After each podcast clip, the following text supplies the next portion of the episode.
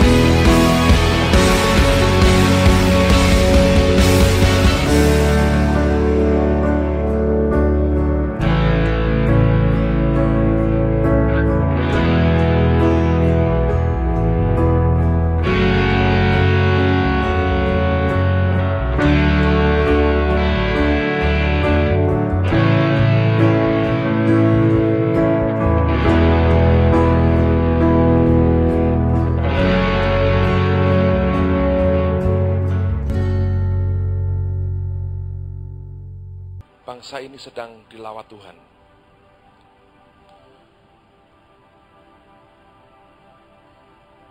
Pintunya sudah dibuka begitu lebar.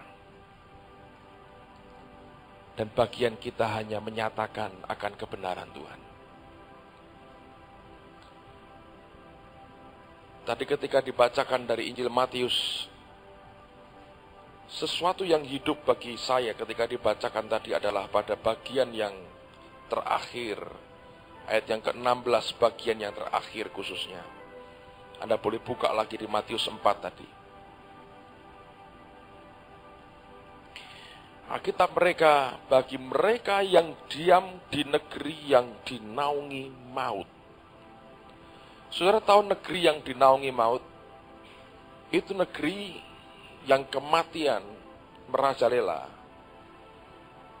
Di mana orang-orangnya ketika maut itu datang, cirinya adalah kematian-kematian massal.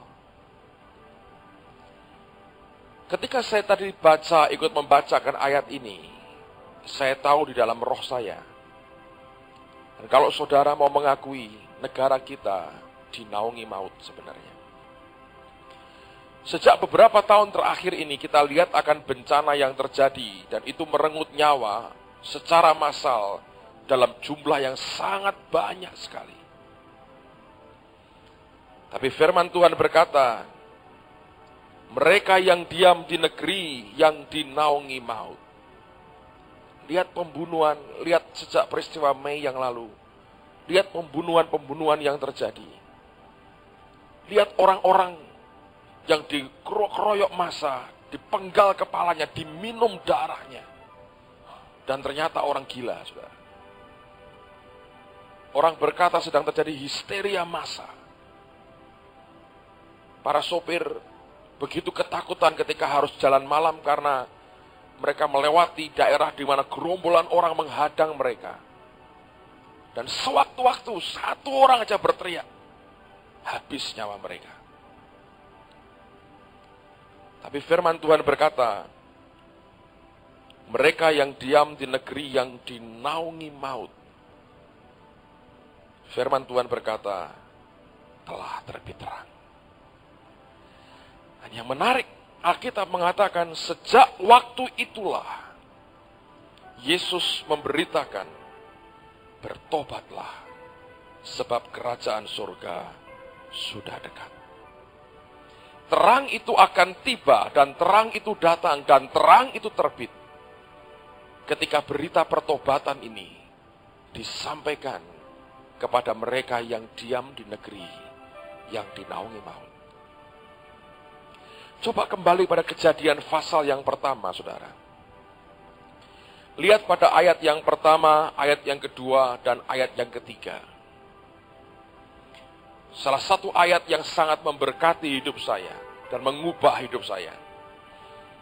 Tapi beberapa hari ini Roh Kudus mencelikkan mata rohani saya melihat sisi yang lain dari kebenaran ini. Kejadian pasal yang pertama, ayat pertama, kedua, dan ketiga Nah sebelumnya kalau Anda pernah ingat apa yang saya pernah sampaikan beberapa waktu yang lalu. Ketika Tuhan menjadikan manusia, maka firman Allah berkata, Baiklah kita menjadikan manusia yang segambar dan serupa dengan kita. According to our image and our likeness. Dan kata serupa dengan Tuhan, dalam terjemahan aslinya artinya to operate like us yang bekerja seperti kita bekerja. Nah, saya pernah sampaikan lewat ayat yang pertama dan ayat yang ketiga. Bagaimana Tuhan bekerja? Tuhan bekerja dengan dimulai rohnya itu bergerak. Tapi roh kudus membuka lagi mata rohani saya. Melihat akan sisi yang lain, saudara. Dari pasal yang pertama dalam kitab kejadian ini. Coba kita lihat sekali lagi. Pada mulanya Allah menciptakan langit dan bumi. Bumi belum berbentuk dan kosong. Gelap gulita menutupi samudra raya. Dan roh Allah melayang-layang di atas permukaan air. Nanti tiba-tiba roh Tuhan berkata kepada saya, di mana sebenarnya aku mulai bergerak? Ketika pertanyaan itu muncul, mata rohani saya terbuka. Karena firman Tuhan pada ayat-ayat awal dari seluruh Alkitab kita ini mengatakan, pada saat bumi itu belum berbentuk, dan dalam keadaan kosong, dalam keadaan gelap gulita, dalam keadaan campur semuanya, samudra raya menutupi seluruhnya, tidak ada batasan antara daratan dan air. Semua campur. Dalam keadaan tanpa bentuk dan kosong dan gelapnya luar biasa. Di situlah roh Allah itu mulai bergerak. Tapi setelah roh Allah bergerak, apa yang terjadi saudara? Ayat yang ketiga. Berfirmanlah Allah, jadilah terang, lalu terang itu jadi. Bukankah ini sama dengan Matius 4 tadi? Mereka yang diam di negeri yang dinaungi maut, bagi mereka terang itu telah muncul. Dan kapan terang itu muncul? Ketika orang-orang percaya mulai memberitakan akan kebenaran. Nah saya terima akan pernyataan Tuhan, saya pernah sampaikan beberapa Kamis yang lalu sebenarnya. Bulan lalu pada waktu retreat para pendeta, hamba-hamba Tuhan di Bandungan, saya dapatkan satu pernyataan Tuhan dari Yesaya pasal 21. Anda boleh buka dengan saya. Kitab Nabi Yesaya pasal yang ke-21. Perhatikan pada ayat yang ke-16 dan ayat yang ke-17. Karena ini merupakan pesan Tuhan. Dan saya ingin semua saudara menangkap ini. Lalu kita bergerak saja mengikuti akan apa yang sedang rohnya kerjakan. Yesaya 21, perhatikan pada ayat yang ke-16. Sebab beginilah firman Tuhan kepadaku. Dalam setahun lagi, menurut masa kerja prajurit upahan, maka segala kemuliaan Kedar akan habis. Nah saya mau tanya, siapa Kedar ini sebetulnya? Alkitab mengatakan Kedar adalah anak kedua dari Ismail. Anak laki pertama adalah Nebayot, yang kedua adalah Kedar. Nah firman Tuhan berkata dalam setahun lagi, menurut masa kerja prajurit upahan, maka segala kemuliaan Kedar akan habis. Dan dari pemanah-pemanah yang gagah perkasa dari Bani Kedar, akan tinggal sejumlah kecil saja. Sebab Tuhan Allah Israel telah mengatakannya. Waktu saya terima pernyataan ini, saudara, timbul pertanyaan dalam hati saya, apakah ini sungguh-sungguh seperti ini yang Tuhan mau? Dan terus terang saya tidak menyatakan itu kepada teman-teman hamba-hamba Tuhan yang kumpul pada waktu itu. Saya gumulkan dalam hati saya. Tapi setelah saya melihat semua yang sedang terjadi, begitu mudahnya orang hari ini terima Tuhan Yesus. Saya sadari betul bahwa apa yang Tuhan janjikan ini tidak main-main. Diteguhkan lagi dengan email yang saya terima dari Daryl Stott beberapa waktu yang lalu. Saya sudah sempat bacakan beberapa Kamis yang lalu. Daryl Stott ini datang dalam kebaktian hamba-hamba Tuhan di Amerika. Dia dengar seorang hamba Tuhan bernama Bob Jones bernubuat. Dan orang ini di antara orang karismatik di Amerika dikenal sebagai nabi Tuhan. Dan Bob Jones berkata, perhatikan Indonesia. Dari sejak tanggal 1 Oktober 98 sampai tanggal 30 September 99. Semua yang terjadi di Indonesia akan juga dialami di Amerika. Dan rupanya itu beberapa pendoa syafaat dari berbagai negara mendapatkan pernyataan yang sama sekalipun mereka tidak menyebutkan akan spesifik waktunya. Tapi setahun di depan kita, saya melihat sebagai sesuatu yang sangat penting sekali dan krusial sekali buat bangsa kita. Dan saya berdoa gereja tidak membuang kesempatan yang Allah berikan pada hari ini dengan membiarkan tuayan dibuat busuk tanpa kita bertindak apa pun. Kalau Anda dengarkan kesaksian tadi, saudara, Vivi mengakui bukan karena dia orang yang pemberani, tapi saya melihat bahwa roh Allah sudah mulai bergerak di negeri yang dinaungi oleh maut. Dan ternyata waktu saya baca lagi pasal 21 ini, Tuhan mencelikkan lagi mata rohani saya karena dia berkata begini, baca beberapa ayat sebelumnya. Dan coba kita lihat lagi saudara. Yesaya pasal 21. Lihat mulai ayat yang ke-13. Firman Tuhan berkata ucapan ilahi terhadap Arabia. Di belukar di Arabia kamu akan bermalam, hai kafilah-kafilah orang Dedan Hai penduduk tanah tema, keluarlah, bawalah air kepada orang yang haus.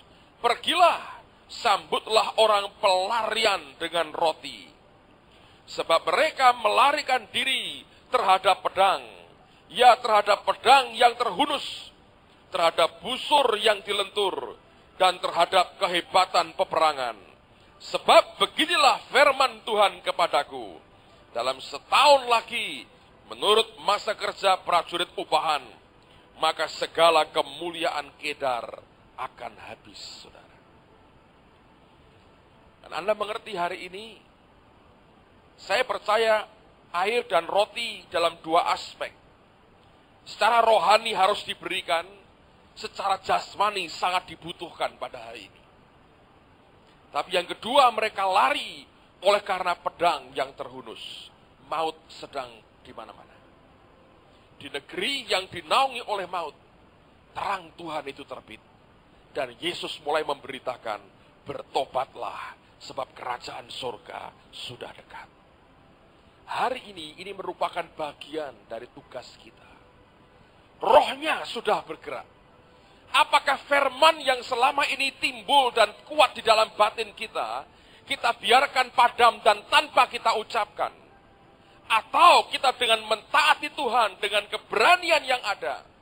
Mungkin hanya 5% kadarnya. Mungkin satu persen kadarnya. Saya tidak peduli saudara. Karena keberanian yang harusnya muncul memang bukan keberanian yang dari manusia. Alkitab mengatakan keberanian yang dari manusia akan dipatahkan. Tapi keberanian yang muncul itu bukan dari manusia kita. Kalau Anda berkata, Pak, saya tidak punya keberanian, itu lebih baik. Sebab dari pihak Tuhan, dialah yang bertanggung jawab memberikan keberanian ilahinya kepada kita untuk menyampaikan akan kebenaran. Sementara rohnya sudah bergerak membuka pintu buat kita. Inilah zaman di mana ketika rohnya itu bergerak, saudara Anak-anak Tuhan mesti menyampaikan kebenaran. Sebab hanya inilah yang menyelamatkan manusia. Jangan kita egois, kita hanya simpan kebenaran dan keselamatan untuk diri kita. Sekarang saya tahu inilah waktunya. Anak-anak Tuhan, semua kita, kalau saudara membuka mulutmu, menyatakan kebenaran, orang dengan cepat akan menerima. Karena ini pekerjaan Tuhan dan bukan pekerjaan manusia kita. Pendeta Konghi sampaikan dua cerita kepada kita pada malam yang terakhir dia berbakti hari Minggu yang lalu. Bagaimana kubilaikan kehilangan kesempatan untuk menerima Injil dan seluruh imperiumnya gagal diselamatkan. Karena gereja tidak siap. Anda perlu dengarkan kasetnya itu. Yang kedua, ketika Mahatma Gandhi ditolak oleh gereja hanya karena tidak pakai baju dan tidak pakai sandal tipikal orang India, lakinya hanya pakai sarung tanpa baju, tanpa sendal, masuk gereja ditolak oleh gereja. Dan dia kepalkan tinjunya dan dia berkata, kalau ini Allahnya orang Kristen, tidak bakal saya sembah dia sampai kapan pun. Dan dunia kehilangan kesempatan yang luar biasa. Saya tahu Jepang juga kehilangan kesempatan waktu Perang Dunia Kedua Ketika Hiroshima Nagasaki dibom atom oleh Amerika, Kaisar Jepang menyerah tanpa syarat. Seluruh Jepang shock bagaimana tentara Dewa Matahari dikalahkan oleh Amerika. Pada waktu mereka melihat kaisar mereka menyerah, kuil-kuil Shinto di Jepang kosong semua. Orang tidak lagi percaya kepada dewanya, mereka menyembah MacArthur sebagai orang yang mengalahkan Dewa Matahari. MacArthur kirim surat kepada gereja-gereja di Amerika, dia berkata, kirim ribuan misionari ke Jepang. Negara ini terbuka untuk Injil Tuhan. Hanya beberapa belas orang yang dikirim berangkat. Dan tenaga mereka tidak pernah cukup untuk menjangkau seluruh Jepang. Hari ini ketika mereka menjadi raksasa ekonomi yang sangat besar sekali. Gereja hanya ada beberapa dalam bangunan yang kecil sekali. Dan kuil-kuil mereka penuh kembali. Gereja kehilangan kesempatan yang Tuhan sendiri sudah buka. Saya berdoa supaya kita hari ini tidak melewatkan kesempatan yang Tuhan beri, saudara. Saya berdoa supaya semua kita mengerti, ini saatnya. Kalau ada orang-orang sekitarmu yang belum diselamatkan, katakan inilah saatnya. Bukan nanti, sekarang saatnya. Dan saya tahu setahun di depan ini, Tuhan akan bekerja dengan makin dahsyat. Setelah itu saya tidak tahu apa yang bakal terjadi. Mungkin akan ada kegerakan yang lebih hebat lagi. Atau justru sebaliknya. Tapi yang saya tahu selama setahun ini, roh Allah akan jungkir balikkan negara ini habis-habisan, saudara. Supaya kerajaan sorga ditegakkan di atasnya. Tapi kapan itu terjadi? Ketika gereja mulai bergerak.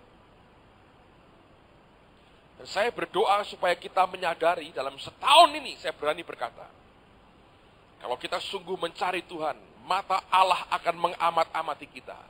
Dan tidak ada satu orang pun yang bisa menghentikan apa yang akan dan sedang kita lakukan, saudara.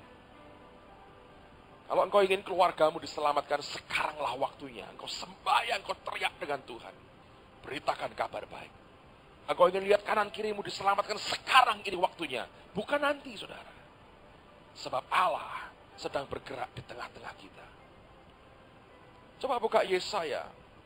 Kitab Nabi Yesaya. Pasal yang ke-33. Inilah Tuhan kita. Saya pernah bacakan juga beberapa waktu yang lalu. Ketika Pak Yusak menyampaikan firman di tengah-tengah kita. Yesaya pasal 33. Ayat yang ke-21. Kita akan lihat ayat ini dulu. Alkitab berkata begini. Di situ kita akan melihat betapa mulia Tuhan kita. Kemuliaannya itu dinyatakan dalam bentuk apa? Seperti tempat yang penuh sungai dan aliran yang lebar. Perahu dayung tidak melaluinya dan kapal besar tidak menyeberanginya. Dalam terjemahan yang dikatakan bahwa perahu dayung tidak sanggup melaluinya dan kapal besar tidak mampu menyeberanginya. Semua yang dari manusia tidak akan pernah sanggup untuk bisa ikut menembus akan aliran Tuhan. Jadi yang diperlukan apa sekarang? Lihat pada ayat yang ke-23, kita lompat satu ayat. Firman Tuhan berkata, tali-talimu sudah kendor. Tidak dapat mengikat teguh tiang layar di tempatnya. Tidak dapat membentangkan layar. Lihat Alkitab berkata begini, sudah dengar baik-baik. Tuhan seperti suatu aliran yang lebar dan kuatnya luar biasa. Kapal perahu dayung tidak sanggup, perahu, kapal besar gak sanggup. Yang dibutuhkan cuma apa? Suatu kapal dengan layar yang dibentangkan. Dan roh Allah, kata roh, sama dengan angin, ruah. Itu akan menghembusi kita Lalu kita ikut dengan hembusan rohnya dia. Tapi tidak mungkin hembusan itu berakibat. Kecuali layar kita dibentangkan. Yang perlu buat kita gereja hari ini adalah. Jangan biarkan tali kita kendor. Tarik kuat-kuat. Supaya layarnya terbentang. Ketika layar terbentang. Dan rohnya berhembus di tengah-tengah kita kapal kita akan sanggup melewatinya. Nah, itu cara kerja Tuhan. Sekarang rohnya sudah mulai berembus. Bentangkan saja lebar-lebar layar hidup. Kuatkan semua tali-talinya. Jangan ada satu bagian hidup kita yang kendor. Biarkan dengan terbuka kita kata Tuhan, hembuskan lagi kuasa rohmu Lalu kita akan bergerak bersama dengan dia. Ini zamannya, saudara. Dan inilah waktunya. Saya percaya tahun depan, dan bahkan sudah dimulai sekarang, ada banyak hal yang luar biasa akan terjadi. Saya percaya dengan tuayan besar, saudara. Saya percaya dengan tuayan besar. Minggu yang lalu, anak-anak yang dikumpulkan di gereja ini 341 anak. Saya sudah beritahu Victor dan sudah dikerjakan, tantang mereka terima Yesus. Semua maju ke depan berkata mau terima Tuhan Yesus. Kemarin saya beritahu Victor, sekarang masuk langkah kedua. Doakan mereka supaya dipenuhi dengan roh kudus dan berbahasa roh saudara. Anda bisa bayangkan kalau anak-anak itu penuh dengan roh kudus. Lalu ajari mereka mendoakan orang sakit. Ajari mereka melayani. Nanti kalau orang tuanya sakit, anaknya berkata, boleh saya berdoa. Kalau Anda bisa bayangkan kalau anak-anak mulai tumpangkan tangan pada orang sakit dan orang itu sembuh, saudara.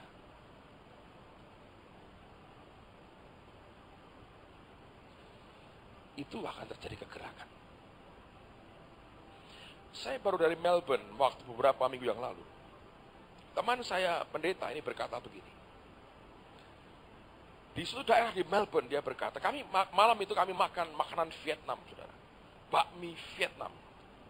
Dan dia berkata pada saya, dia bilang, kong ini daerah bagus. Vietnamnya baik-baik. Tapi daerah lain, Vietnamnya jahat-jahat. Saya bilang, sejahat apa? Waduh, jahat sekali. Mereka pakai anak-anak kecil untuk nyopet, mecahin kaca mobil, ngerampok orang, anak-anak kecil yang masih di luar jangkauan hukum. Setan tahu anak-anak harus dipakai. Anda tahu setiap ada kerusuhan, yang diajukan itu anak-anak kecil. Suruh lempar tentara, masa mau tembak anak, saudara? Setan sudah eksploitasi mereka habis-habisan. Kalau kita diam, akan nambah parah. Dan mungkin satu kali anak kita sendiri akan jadi korban. Tapi kalau mereka hari ini mereka dikuasai oleh roh Tuhan. Dan mereka bergerak. Nama Yesus akan dimuliakan.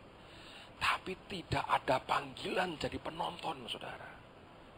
Semua kita harus ambil bagian. Ini terbuka. Yang dibutuhkan cuma satu. Kerinduan saudara melihat jiwa-jiwa diselamatkan. Kerinduan saudara melihat Tuhan, aku ingin mereka diselamatkan. Lucu sekali pada waktu di Melbourne. Malam yang pertama, saya tidur, saudara.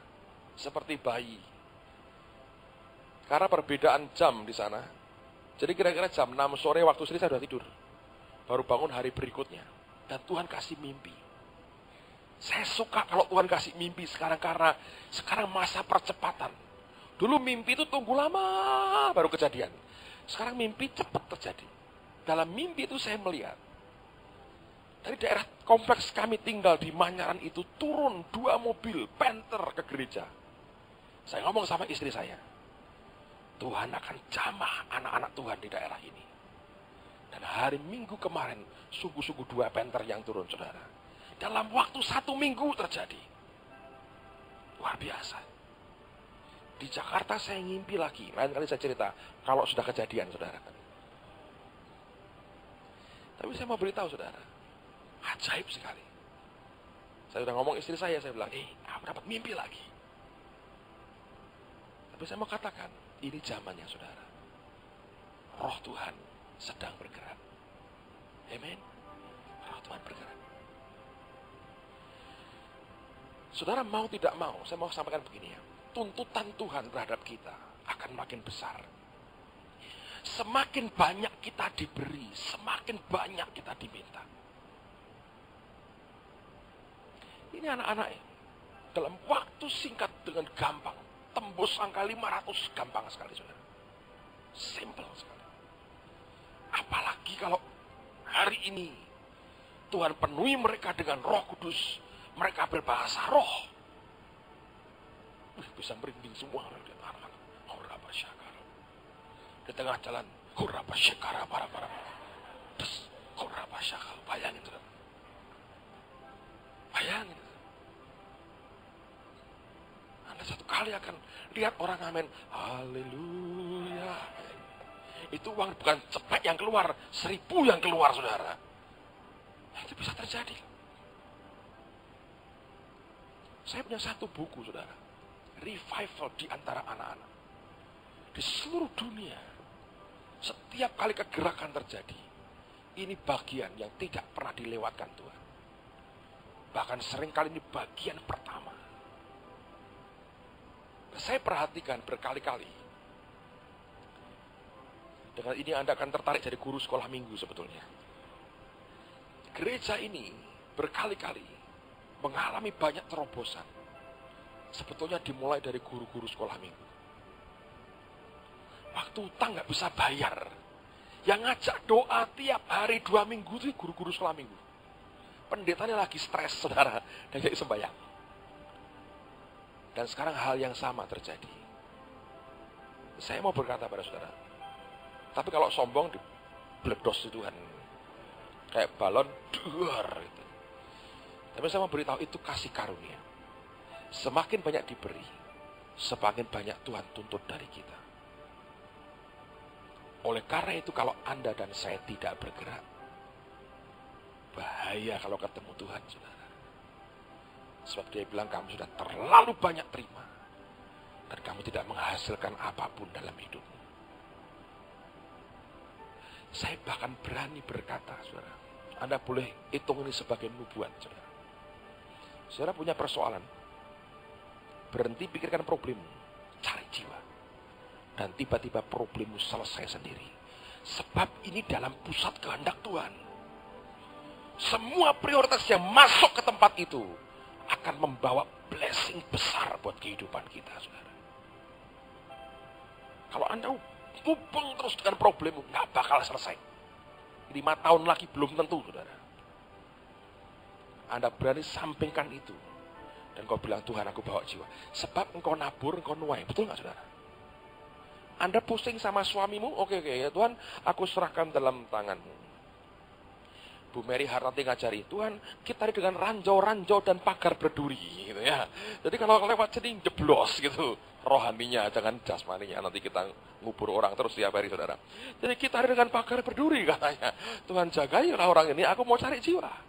Ketika engkau bawa satu orang kepada Tuhan, buahnya adalah suami yang kurang ajar ini bertobat dan terima Tuhan Yesus saudara.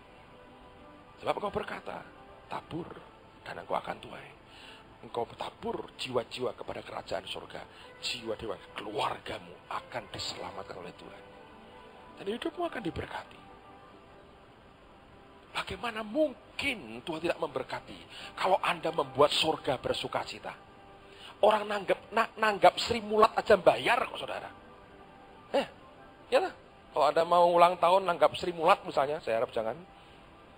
Anda kan mesti bayar kan? Surga dibuat sukacita satu orang bertobat, gak mungkin surga lupa pada saudara. Ketika tiba-tiba, wuh, malaikat sukacita. Tuhan ngomong, ada apa ini? Satu orang bertobat. Oh iya ya, siapa yang bawa? Ini. Selalu kalau nama itu muncul terus saudara. Tuhan berkata, yang ini jangan lupa diberkati ya setiap saat katanya. Tapi kalau namamu nggak pernah muncul, munculnya apa ini? Persoalan Tuhan. Iki meneh katanya. Bayangin. Untung dia panjang sabar, saudara. Tapi kalau namamu itu masuk di rekod, wih bawa jiwa lagi ya, bawa jiwa lagi ya.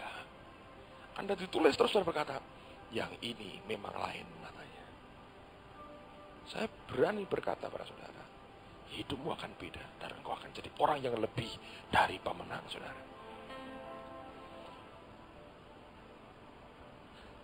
Kemarin kami sudah kirim surat kepada beberapa hamba Tuhan. Saya tahu ini anugerah Tuhan, saudara, buat kita. Anugerah besar. Nanti tahun depan, mulai tanggal 4 sampai tanggal 15. Dari gereja pendeta Konghi akan kirim salah seorang wakilnya untuk melatih kita dalam penginjilan pribadi dan jadi counselor selama 10-11 hari. Lalu kemudian pada waktu-waktu yang sama, Daryl Stott akan datang. Jadi persis sekali, setelah pelatihan pengindahan pribadi dan counselor, latihan bawa jiwa dan setelah datang dibuat mabuk. Mo, mo, I want more. Lagi terkenal di seluruh dunia. Dia putar kaset yang di gereja ini ke mana-mana, saudara. Itu membuat keker di mana-mana. Ini dari Indonesia. Nah, harvest is coming in. ini luar biasa. Tapi kita diberi anugerah. Menarik sekali. Pada hari pertama Konghi datang kemari. Belum kebaktian. Kami ngobrol di ruang belakang. Dia berikan kepada saya handbook sekolah Alkitabnya. Pak Ardian buka dan itu ada foto-foto beberapa hamba Tuhan.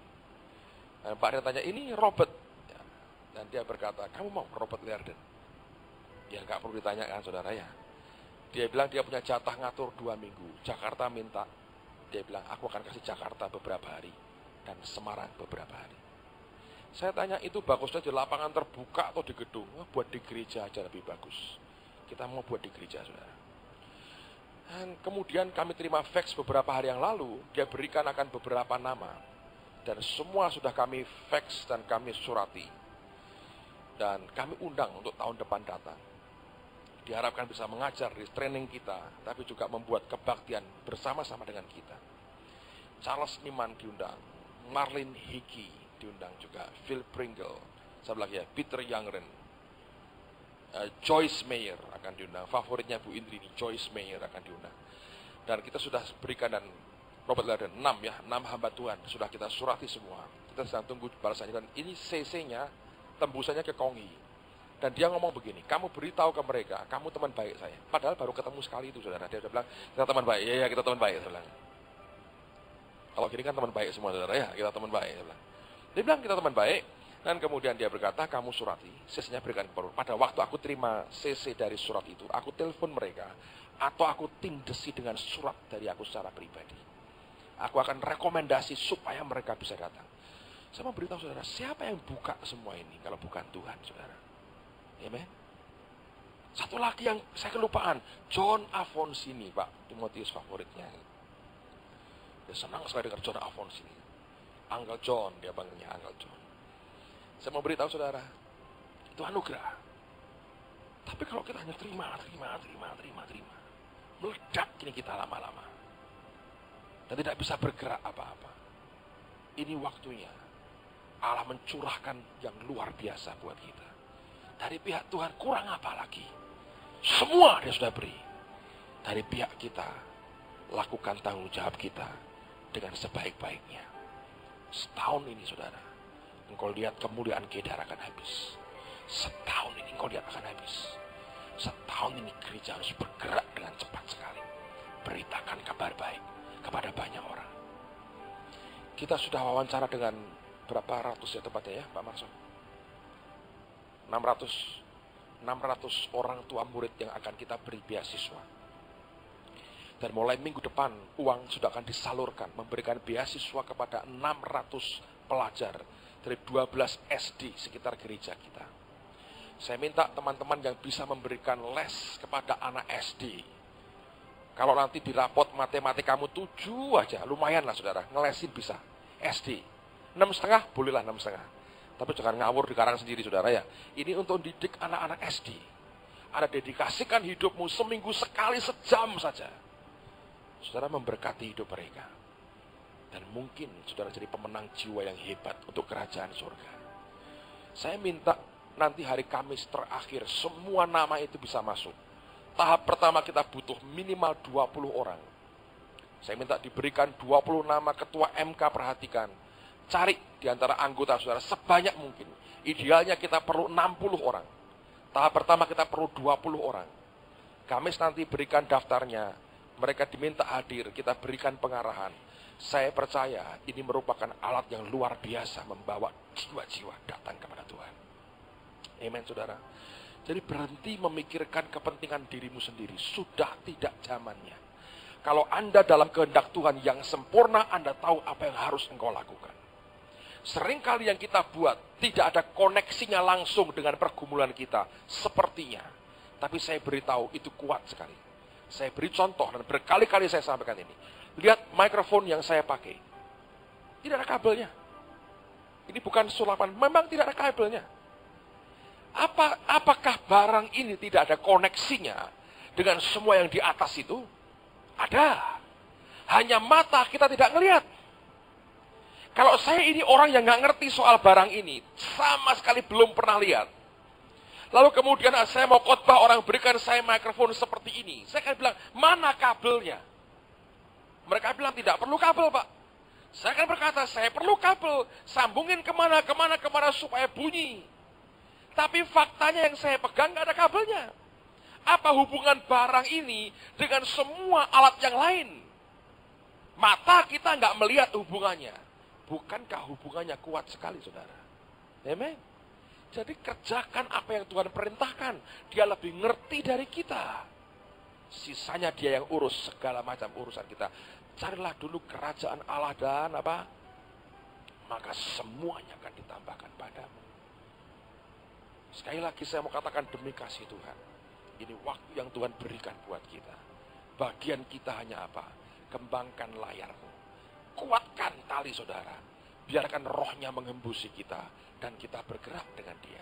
Ayat yang terakhir pada ayat yang ke-23 tadi dari Yesaya 33 saya bacakan lagi buat saudara. Yesaya 33 ayat 23 dan 24. Tali-talimu sudah kendor, tidak dapat mengikat teguh tiang layar di tempatmu, tidak dapat membentangkan layar. Pada waktu itu orang akan membagi-bagi rampasan banyak-banyak. Dan orang-orang lumpuh akan menjarah jarahan. Amen. Eh, yang lumpuh bisa menjarah. Itu kalau sudah bukan saking terlalu banyak di sekitarnya. Gak mungkin.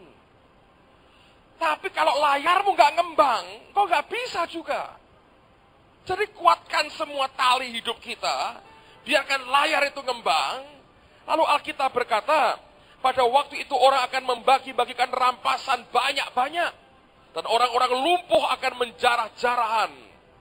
Tidak seorang pun yang tinggal di situ akan berkata, aku sakit. Gak ada orang konseling-konseling, saudara. Semua sehat, amen. Gak ada orang kesakitan. Gak ada orang berkata, aku sakit. Dan semua penduduknya akan diampuni kesalahannya. Bukankah ini salvation, keselamatan yang dari dia? Nah dengarkan baik-baik saudara. Ini waktunya yang Tuhan berikan buat kita. Saya berdoa, semua kita bisa menangkap kebenaran ini. Engkau keluar dan engkau berkata Tuhan, aku mau datang, aku mau bawa jiwa datang kepadamu.